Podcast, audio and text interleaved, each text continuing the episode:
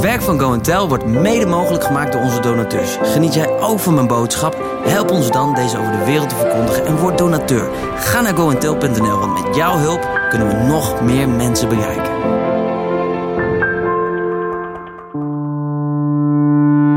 In de nieuwe masterclass Spreken vanuit je hart neemt David je mee in de wijze waarop hij grote groepen mensen inspireert met Gods woord onder leiding van de Heilige Geest. Wil jij groeien in spreekvaardigheid en leren communiceren en bedienen tegelijk? Dan is deze masterclass echt iets voor jou. Wat kun je verwachten? Een unieke toegankelijke sprekerscursus voor alle leeftijden. Je leert een groot publiek te boeien met jouw verhaal. Je ontwikkelt en vergroot jouw intuïtieve vaardigheden en je ontvangt een bijbehorend cursusboek met praktische oefeningen en opdrachten. Ga naar davidevos.nl om direct aan de slag te gaan.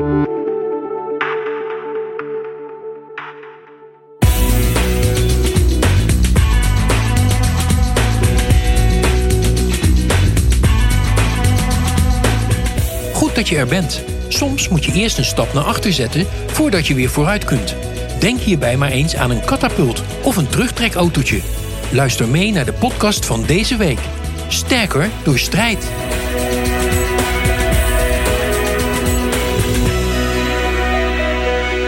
Zoveel uh, gebedskaarten en het is mijn gebed dat jij vandaag antwoorden zult ontvangen.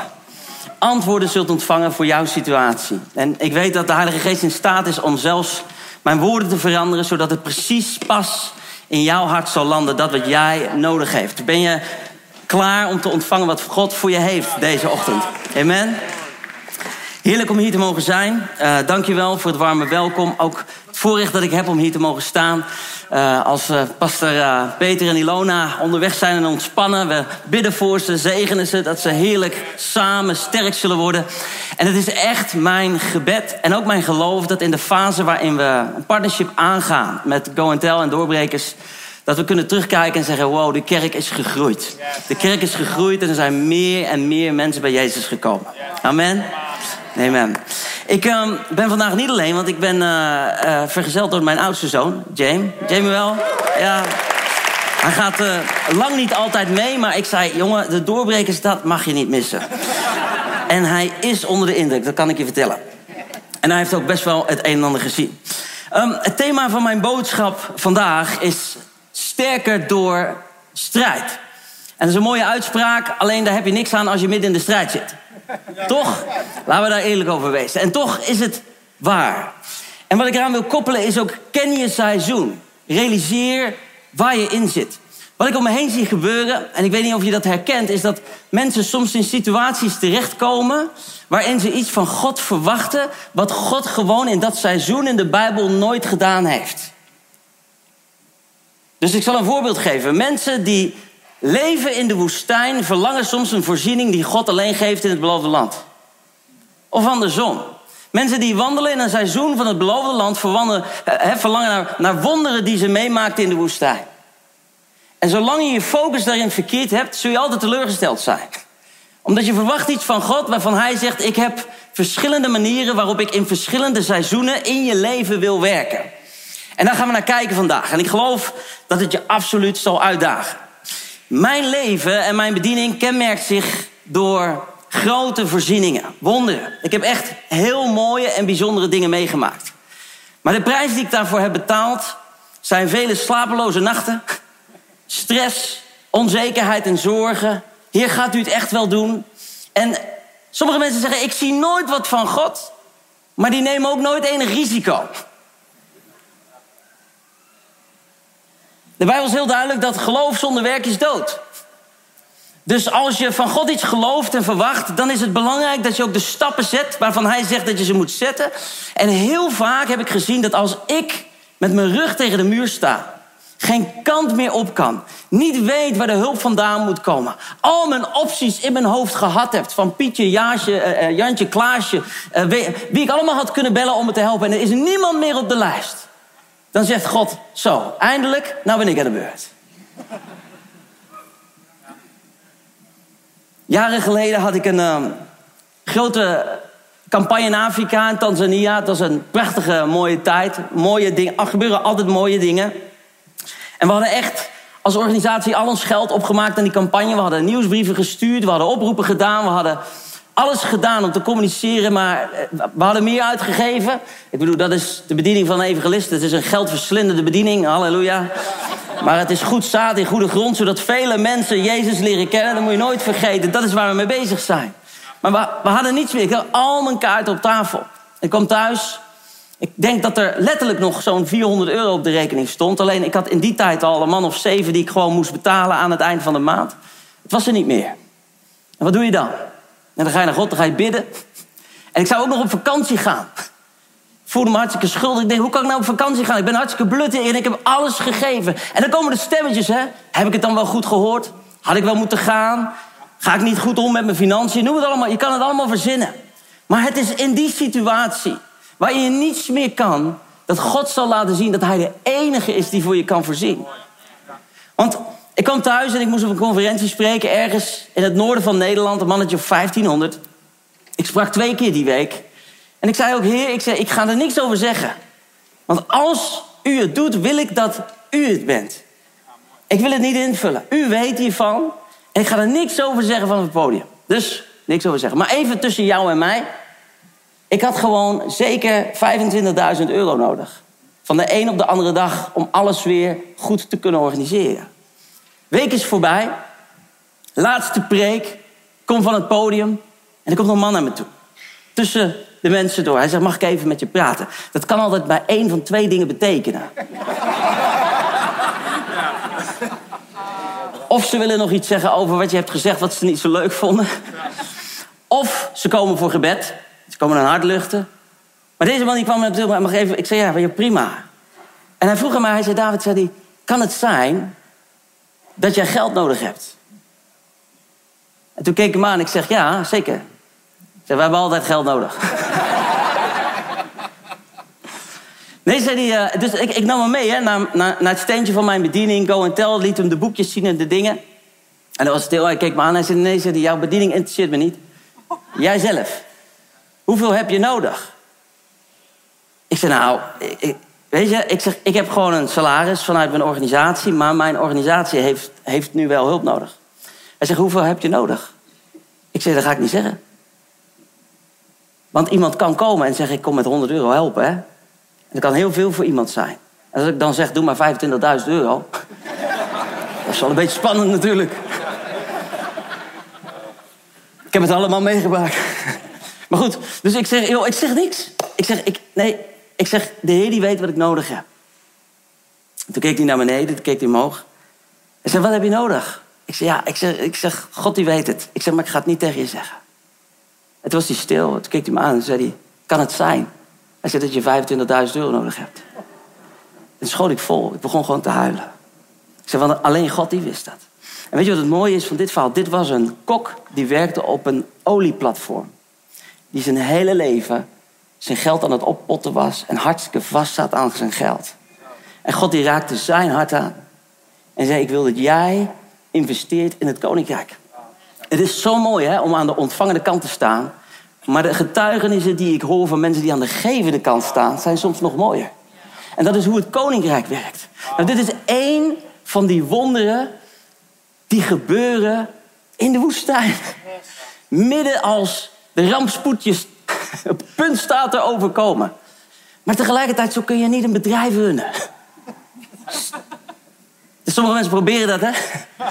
En ik heb ook groot respect voor mensen die elke keer weer opnieuw die wonderen zien. Maar het is een seizoen. Het is een seizoen waarin God met je aan het werk is. Waarin hij je leert wat vertrouwen is. Waarin hij je leert wat uitstappen is. Want als je hele leven zo is, nou, dan ben ik bang dat we niet heel erg oud zouden worden. Ik ga je meenemen naar het woord van God. Exodus 13, vers 17. Doortocht door de Rietzee.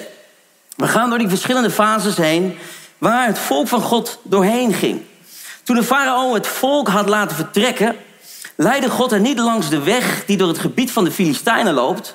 Ook al was dat de kortste route. God die dacht namelijk, als ze strijd zouden moeten leveren, konden ze wel eens spijt krijgen en teruggaan naar Egypte. Wel, hou je ook van de Bijbel die zo lekker eerlijk is? Over ons? God die wil zijn volk verlossen. En dan zegt hij, ja, ik zal ze maar zo leiden, want ze zijn er nu niet klaar voor. Als ze nu moeten knokken, geven ze op. Ik heb een woord voor je. Waar jij nu tegen knokt, daar kun je tegen knokken, omdat God vindt dat je er klaar voor bent. Want anders leidt hij je er omheen. Zodat je niet terugvalt in dezelfde dingen waar hij jou van verlost heeft. Zo belangrijk om je dat te realiseren. Er komt een dag dat je sterk genoeg bent om aan te kunnen wat God heeft voor jou. En in de toekomst kan het nog veel meer zijn als vandaag. Nou, wat het probleem is, als God je uit slavernij heeft gehaald, hè, Egypte, dat je kan wel uit de slavernij zijn gehaald, maar de slavernij zit vaak nog in ons. Hè? In ons denken, in ons doen. Ik kom heel veel in Afrika. En het is een voorrecht om daar naartoe te gaan. Eind van de maand gaan we weer. En Afrika is echt Europa niet. Dat is zo'n compleet andere wereld. Ik zeg altijd tegen mensen: either you love it or you hate it. Er zit niet heel veel tussen. Of je kan er heel veel mee, of je vindt het ingewikkeld. Mijn lieve vrouw, Joyce, vindt het ingewikkeld. En als ik dan zeg: lieverd, ga je mee? Maar. En dan denk ik, als je de kans hebt zulke mooie dingen te zien en mee te maken, ma, zeg maar, weet je wel zo. En wat ik zo leuk vind is, ik ken een aantal Afrikanen die als zendelingen vanuit Afrika naar Nederland gekomen zijn. En die hier kerken stichten, de hele nacht doorbidden, fantastische dingen doen. En hoe God dat uitwisselt is fenomenaal en bijzonder. Maar wat ik leuk vind, als ik bij die mensen thuis kom, dan is het net alsof ik in Afrika ben. Zoals de inrichting is thuis, is totaal niet Europeaans. Mijn huis ziet er heel anders uit als bijvoorbeeld bij hun binnen. Er zijn dingen die ik nooit zou doen. Bijvoorbeeld mijn bank in de plastic laten. maar, maar daar doen ze dat. Of, weet als een schilderij opgehangen wordt aan de muur... dan zeggen wij, nou, die moet echt helemaal, weet je wel, helemaal symmetrisch, strak in het midden. Maar daar kan die ook gewoon rechts in de hoek. Of links, het maakt niet uit. En dan, dan zie ik, ja, je kan als Afrikaan naar Europa komen... maar Afrika zit in je, krijg je er niet uit. En dat is hetzelfde als de Europeaan. Als ik naar Afrika zou verhuizen, ja, dan ga ik toch proberen mijn bank symmetrisch neer te zetten en mijn schilderijtjes netjes op te hangen. Terwijl het de setting er bijvoorbeeld helemaal niet voor is. Dat is herkenbaar, hè? We zijn wie we zijn. We mogen houden van wie we zijn en de verschillen die we met elkaar dragen. In Exodus 14, vers 2 staan zulke opmerkelijk mooie dingen. Zeg tegen de Israëlieten dat ze omkeren en hun kamp moeten opslaan voor Pihagirot tussen Migdol en de zee. Jullie moeten je kamp recht tegenover Baal Zephon opslaan, vlak bij de zee. God was altijd heel specifiek over wat hij wilde wat ze deden. Dit was heel onlogisch, want wat God vroeg was: je moet teruggaan. Nou, ik ben net op vakantie geweest. En ik was op zoek naar de piste. En ik had Google Maps gevraagd om me te helpen. Dat is niet altijd een goed idee. Ik had de piste aangeklikt en wat wilde Mr. Google doen? Die wilde mij via de berg naar boven laten rijden, naar het puntje van die piste. Dus ik was bezig en de weg die werd steeds hobbeliger, steeds meer zand. Ik ging steeds hoger, ik was weet ik het hoe hoog. En ik denk, nou, dat kan niet waar zijn, weet je wel. Nou ja, zoeken. En uiteindelijk zat ik natuurlijk helemaal verkeerd. Nou, waar ik echt een hekel aan heb, is tijdverspilling. Terugrijden, omkeren en opnieuw. En wat zegt God hier? Keer om, zet je kant maar daarop. Eerst achteruit, voordat je vooruit kunt gaan. Heb je dat wel eens meegemaakt in je leven? Dat je denkt, ik dacht dat ik er was en toch moet ik nu weer een stapje achteruit. Ik dacht dat ik nu in mijn beloofde land zat, maar nu lijkt het toch echt weer dat ik God moet vertrouwen. Weet je hoe vaak ik al tegen de Heer heb gezegd, zeker na die ene keer met die 25.000 euro. Ik zei, Heer, nooit meer. Dit, nu, nu heeft u toch wel gezien dat ik u echt vertrouw. Twee, drie, vier maanden later, een paar jaar later, dezelfde uitdaging. Weet je wat het probleem is? Alleen de bedragen worden groter. Risico's worden groter. Maar God blijft hetzelfde. En zal ik je wat, wat vertellen? Als ik terugkijk naar mijn leven, dan zat deze kleine jongen met een jaar of 16 met een plan om naar de Bijbelschool te gaan. Waarvoor ik 3,5, 4, 5.000 euro nodig had. Waar ik keihard voor werkte. S'morgens tomaten plukken. Smiddags schoonmaken in de bakkerij. S'avonds het reformatorisch dagblad rondrennen. En 2500 gulden bij elkaar verdiend om mijn Bijbelschool te kunnen vertalen. Maar het was niet genoeg.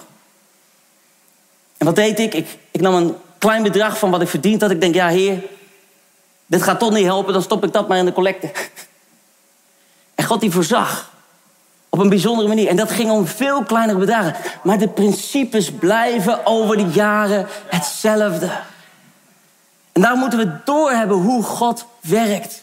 Hoe hij communiceert. Hoe hij wil dat we denken, hoe we kijken. En in dit kader denk ik altijd aan zo'n speelgoedautootje. Ken je dat? Wat je eerst naar achter moet trekken. En dan laat je hem los. Of een katapult.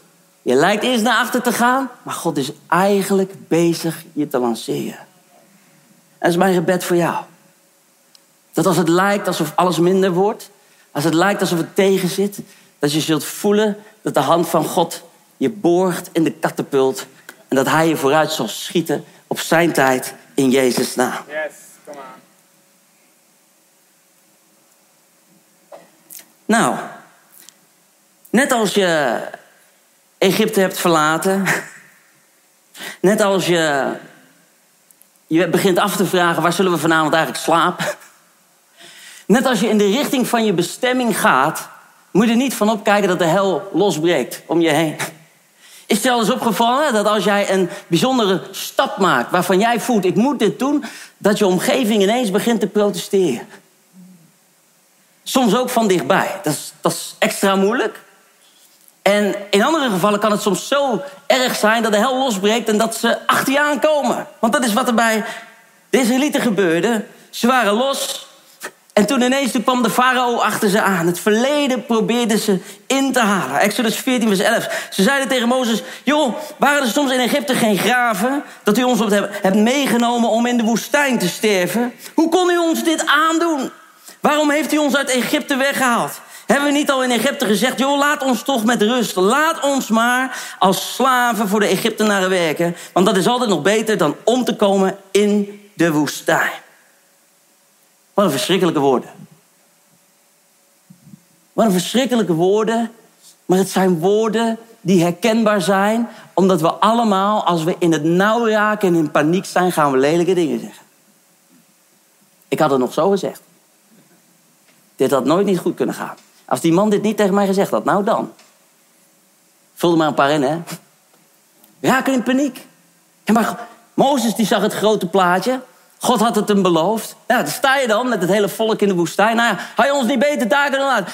hier, zijn er niet graven? Wat een verschrikkelijke woorden. Weet je wat dit gedrag is? Dit is het gedrag wat ik ook zie bij fans van voetbalclubs in stadions. Als ze winnen, zijn we vrienden. Als we verliezen, rot je maar op. Dat is letterlijk hoe het gaat in het stadion. En ik hou ervan om naar het stadion te gaan. Weet je waarom? Omdat ik daar even niet de dominee hoef te zijn. Kan ik gewoon een keer helemaal lekker ongegeneerd uit mijn dak gaan... en hoop ik altijd maar dat er niet te veel mensen zijn die me zien. James die zegt wel eens, pap, zegt hij, als ze jou hier zien... Poeh, nou, dan weet je het alvast bij deze bijzonder beleden. Ik kan flink fanatiek tekeer gaan. Weet je, wat, weet je wat echt? Het is echt zo dat de hele stadion 40, 50.000 mensen. Op het moment dat ze de bal hebben, staan ze te juichen. Ja! En dan geeft iemand een hele mooie pas. Oh, prachtig. Oh, yeah. Mist iemand de bal net over zijn voet, weet je, klungelig. Nou, wat een klungel. Dat hij die bal niet kan raken. Zelfs ik had hem kunnen raken. Je hoort het allemaal om je heen, hè? Meest verschrikkelijke opmerkingen.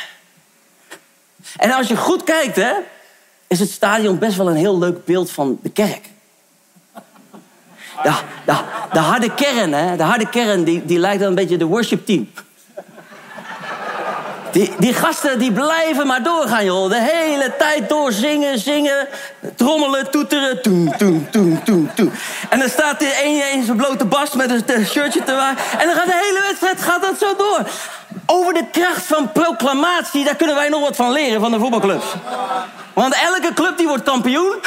Ja. Dat zingen ze met elkaar het hele jaar door. Of, het nou, of ze het nou zien of niet. En er is nooit iemand die bij de nazorg komt en die zegt... waarom zie ik niet gebeuren wat wij met elkaar zingen het hele jaar?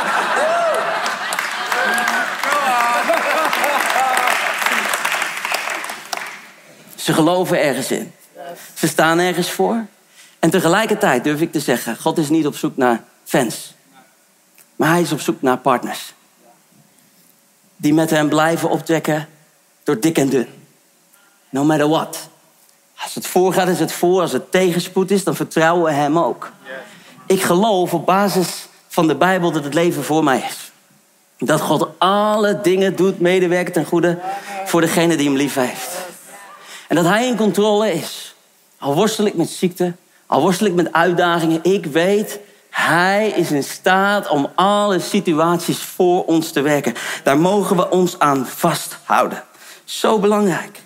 Weet je, dat gemopper, dat, dat zet een onzichtbare muur tussen, tussen God en ons in. Waardoor we steeds verder van hem verwijderd raken. En wij denken, waar is die nou? Maar het zijn onze woorden. Het zijn onze woorden die afstand creëren. En daarom is het zo belangrijk je woorden te kiezen. Je geloof te kiezen. God te leren blijven vertrouwen. Nou, wat doe je in zo'n situatie met zo'n volk? Mozes, prachtig mooi voorbeeld. Mozes die antwoordt het volk en die zegt... joh, wees niet bang.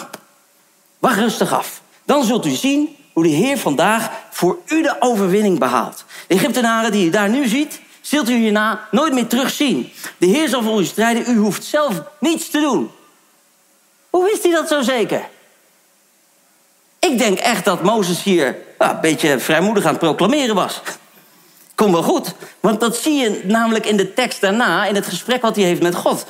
De Heer die zegt namelijk tegen Mozes in Exodus 14, vers 15, ik vind het zo mooi. Waarom roep je mij te hulp?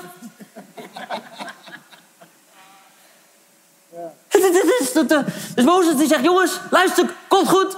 De Egyptenaren die daar, morgen zie je ze niet meer. God die gaat voor je regelen. En hij draait zich gewoon naar de Heer. Hij zegt, Heer, hoe, hoe, hoe, hoe, uh, hoe gaan we dat doen? En dan zegt de Heer tegen hem, waarom, waarom kom je bij mij? En dan zegt hij dit, zeg tegen de Israëlieten dat ze verder trekken. Je moet doorgaan. Verder. Verder. Doorgaan. Stap echter stap. Als God een weg ingeslagen is, dan is het geen tijd om weer terug te keren naar je oude gewoontes, maar je moet doorgaan. Door de pijn heen. Door de moeilijkheden heen. Door de strijd heen. We moeten doorgaan. En dan zegt hij tegen Mozes: Jij moet je staf geheven houden boven de zee. En zo het water splijten, zodat de Israëlieten dwars door de zee kunnen gaan over droog land. Ik vind het zo mooi. Wij christenen zijn er zo goed in om God dingen te vragen waar hij eigenlijk net aan ons gevraagd heeft om dat voor hem te doen. Heer, wilt u alsjeblieft? Ja, ik dacht dat jij dat ging doen. God kan jouw gedachten niet kiezen.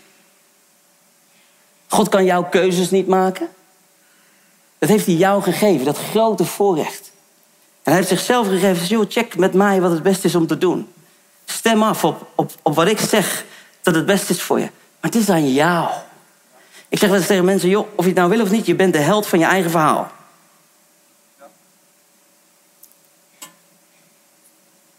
Amen. Een goed moment. En dan op de meest oncomfortabele plekken, want dat is zo mooi. De plek waar niemand het meer verwacht. Gebeurt een van de grootste wonderen uit de geschiedenis van de Bijbel. Die zee die splijt in één. Het hele volk gaat er doorheen. Onderweg naar het beloofde land. En de God die in staat is om jou van Egypte naar de woestijn te brengen, halverwege, is dezelfde God die in staat is om jou vanuit de woestijn naar je beloofde land te begeleiden. Hij zal afmaken wat hij heeft beloofd. En het maakt me niet uit waar je nu bent. Of je nog in Egypte zit, dat je nog verlost moet worden. Of je worstelt in de woestijn met allemaal zand tussen je tenen. Of dat je door de gespleten zee aan het lopen bent. Dat, dat, dat je verleden je achtervolgt. Ik heb geen idee in welke fase je bent. Maar het is belangrijk om je te realiseren dat er een God is die voor je uitgaat. Die een belofte voor je heeft. En die zegt wij zijn onderweg naar het beloofde land. En dan komen ze bij dat beloofde land. En je kent het verhaal waarschijnlijk als je het nog niet kent. Het beloofde land kenmerkt zich door iets wat te mooi lijkt om waar te zijn. Dit kan toch niet waar zijn? Zoveel overvloed, zo mooi, zo enzovoort. En ook dan is de keus daar. Hè? Maar ja, ze hebben er ook reuzen, hè? Ze hebben de reuzen, hele grote reuzen. Wat zo leuk is, als je die, dat de verhaal leest over de twaalf verspieders... dan komen er tien terug die zijn uh, ja, negatief. En twee die zeggen, nou, met God kunnen we dit doen. En de grap is dat die tien hadden alleen maar reuzen gezien. Alleen maar. What happened to the women and children? De focus, hè? Waar je op focus is wat je ziet. En als je alleen maar problemen ziet, nou, dan vermenigvuldigen ze automatisch. En er waren maar twee getraind om te kijken met de ogen van God zelf. En weet je wat ik zo bijzonder vind? God die zat in de hemel en die keek mee. En denk, jemig, de 80-20 regel. nu al, weet je wel. Hoe gaan we dat oplossen? Weet je wat? Ik hou zoveel van mijn volk. Als ze dat niet aankunnen, dan maak ik gewoon een ander stukje beloofde land wat makkelijker is om in te nemen. Uh-uh. God heeft het plan niet aangepast voor het geval jij het niet aan kan of zo. Hij zei, nou, als, je, als, als je er nog niet klaar voor bent, dan, dan, dan wacht ik gewoon op jou. Dan bereid ik je voor. Maak ik je sterker. Ga ik je uitdagingen geven in de woestijn om mij te leren vertrouwen? Ga ik je spieren trainen om sterker te worden? Als je grote spieren wil hebben, dan moet je aan mijn zoon Jamie vragen. Heb je extra tegengewicht nodig? Hoe meer tegengewicht, hoe groter ze worden. Halleluja. En dan zeggen we allemaal, we willen sterk worden. We willen geloofsheld zijn. Ik wil mooie dingen meemaken met God. Ik wil wonderen zien en ik wil enzovoort enzovoort. En dan komt de eerste de beste uitdaging. En ik. Laat maar zitten. Lieve mensen, de plek waar jij ambieert om te staan, komt met een prijs. Iedereen waarvan je denkt, oeh, nou die heeft iets bereikt, heeft een prijs betaald. Ergens een keer. Als jij wil dat een beetje elektronica werkt, wat heb je nodig? Plus en min. Krijg je stroom. Dat is de juice of life. En de kerk zit zo vol met mensen die alleen maar verlangen naar de plusjes. Dat ze vergeten dat God in staat is om de minnen te gebruiken om stuwkracht te creëren in jouw leven, zodat je vooruit gaat richting de bestemming die God voor je heeft. Come on. Come on. Efeze 3 vers 20. Hem nu die blijkt is de kracht welke in ons werkt bij macht is... oneindig veel meer te doen dan wij kunnen bidden of beseffen. Yes! Come on! Weet je, de hele wereld zit zo in elkaar en toch lijken wij het soms niet te zien. Wij zijn steeds meer van de, ja, ik, ik noem het een beetje oneerbiedig de magnetron-generatie. We willen lekker eten en we willen het nu.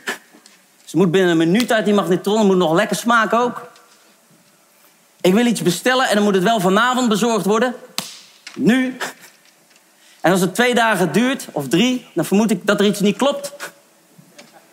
Ik wil het nu. Ik wil volwassen worden en ik wil het morgen zijn. Liefst vandaag. Ik wil heel hard groeien en dat moet morgen toch wel klaar zijn. Ik wil geen groeipijn. Lieve mensen, alles, alles, alles wat kostbaar is, alles wat kostbaar is, kost tijd. Seed, time, harvest. Zaad, tijd, oogst. Jezus sterven in de dood en opstanding. Het hele leven zit zo in elkaar. Daarom is het zo belangrijk te beseffen. En daar kom ik steeds meer achter. Steeds meer achter. En ik wist het al toen ik jong was en toen begreep ik het niet. Want toen luisterde ik naar ouderen die me dat vertelden. Die zeiden, David, het gaat niet over je doel. Het gaat om de reis er naartoe. Ik denk, ja, wat nou reis er naartoe, weet je wel? ik wil het doel. Ik, wil, ik ben ook heel doelgericht, past ook bij me. En de mens heeft het nodig om doelen te behalen. En als jouw leven alsmaar gaat om het hele grote doel te behalen... en dat is eigenlijk een doel wat je bijna nooit niet haalt... heb je ook geen plezier. Daarom moet je kleine doelen stellen tussenin. Dat is trouwens een tipje. Als je dat dan bereikt, dan kan je af en toe nog eens blij en dankbaar zijn. Maak je een mooie mens. En ik kwam erachter dat God helemaal niet zo geïnteresseerd is in al die mooie doelen. Want die heeft hij allemaal al lang gehaald. Want God is niet in de tijd. De kerk die God voor ogen heeft, voor de doorbrekers. De plek waar we met elkaar ultiem zouden willen zijn. Is voor God al daar. Die ziet hij, die kent hij, daar geniet hij van. Is hij trots op. Maar in het proces ernaartoe heeft hij jouw hart voor ogen om je te maken tot de mooiste persoon die je ooit zou kunnen zijn.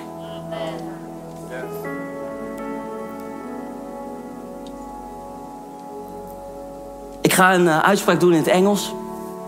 En ik ga hem daarna proberen te zeggen in het Nederlands. Dat is soms een beetje lastig. But God's delays are not his denials. Gods vertragingen, waarom hij nog niet voorziet, zijn niet zijn ontzeggingen dat je het nooit zou krijgen. Tijd. Vertrouwen. Tijd. Vertrouwen. Ik heb um, drie verschillende seizoenen: slavernij, woestijn en beloofde land. En ik heb vijf dingen waaraan je kunt herkennen in welk seizoen je bent. Ben je er klaar voor? Als je in slavernij leeft, dan heb je geen keus. Dan ben je gebonden.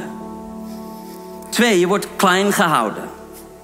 Drie, je kan en je mag niet genieten van wat je doet. Want je bent slaaf. Vier, je bouwt voor iemand anders, maar je houdt er zelf helemaal niets aan over. Dat is een kenmerk van slavernij. Vijf, je staat onder constante druk en je leeft in angst. Dat zijn tekenen dat je leeft in een seizoen van slavernij. En ik zeg tegen je, God wil je daaruit verlossen. God wil je daaruit verlossen. Dat is zijn belofte. Dat is, dat is in zwart-wit in de Bijbel. Hij wil je losmaken uit slavernij. Ik bid in Jezus' naam dat het vanmorgen mag gebeuren. Of je nu hier bent, of dat je live meekijkt, of later in de livestream kijkt, dat het God dat mag doen voor jou vandaag. Dan de tekenen van de woestijn. In de woestijn gebeuren allereerst wonderen. Het is best wel exciting om daar te zijn. Er is genoeg voor elke dag. Dat is het seizoen van de woestijn. Het gaat niet om overvloed waar je super van uit kan, maar het is genoeg voor elke dag, voor elk moment.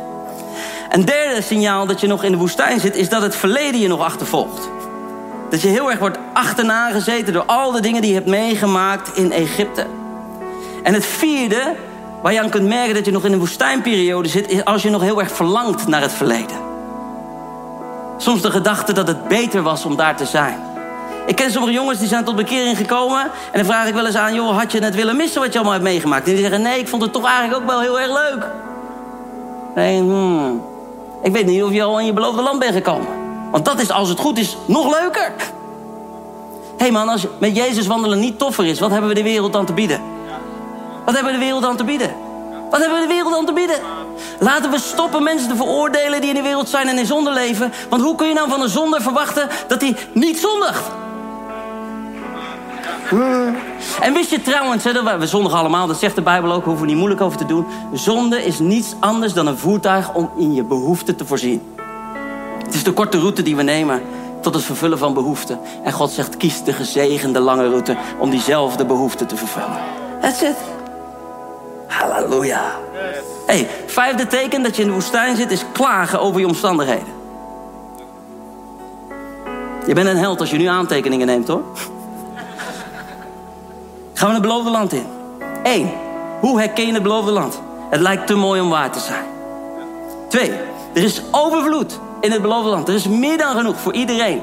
Ik weet niet hoe dat is met jou. Ik groeide op in een gezin, een arbeidersgezin. Mijn vader moest heel hard werken. Vijf kinderen. En dan werd die gehaktbal doormidden gesneden. En dan moest je kiezen, weet je wel. Je broertje, je zusje. En dan, en dan koos ik natuurlijk altijd voor de grootste. Als ik niet de grootste kreeg, dan vond ik daar wat van. Weet je wat ik merk? Dat ik soms, ook al leef ik in overvloed... dat die gehaktbal nog voorbij komt in mijn hoofd. Maar in het beloofde land zijn heel veel gehaktballen, halleluja. Genoeg voor iedereen. Drie, er zijn sterke vijanden. Vier, je zult strijd moeten leveren om te overwinnen. Je zult moeten knokken. Vijf, je zult lang en in vrede leven. Dat is een belofte van Gods beloofde land. Dus God redt je uit de slavernij toont zijn kracht en wonderen door voor je te zorgen in de woestijn, overbluft je met zijn zegen in het beloofde land en leert jou de principes van het gevecht, het zaaien en oogsten en het leven in vrede. Nou, strijd is niet het teken dat je niet op de goede weg zit. Sterker nog, ik denk dat je in de richting komt van je beloofde land.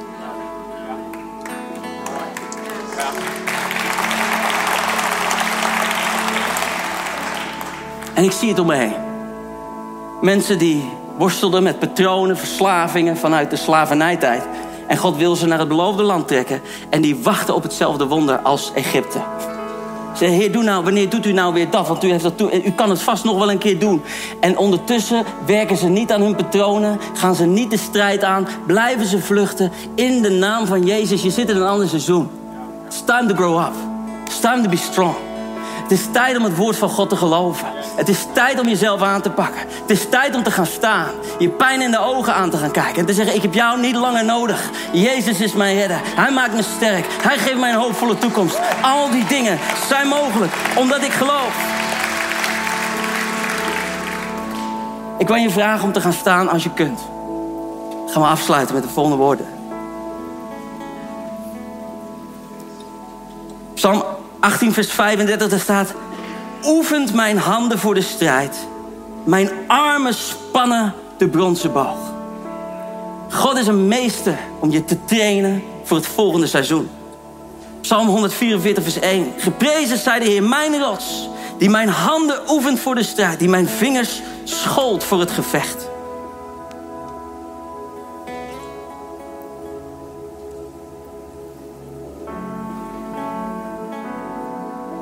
Als je verlangt, als je verlangt met mij vanmorgen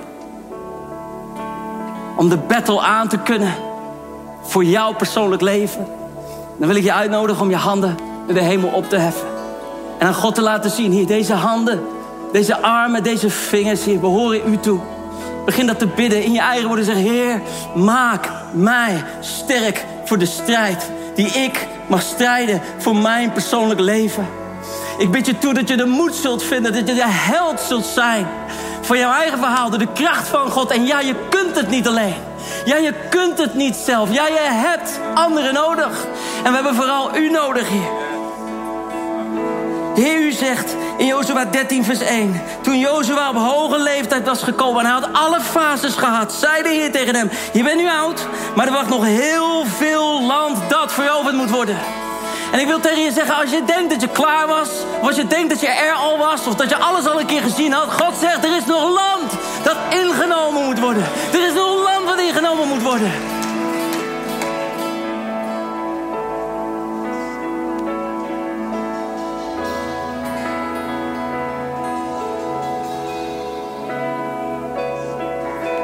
Dit is een bijzonder moment. Ik ervaar echt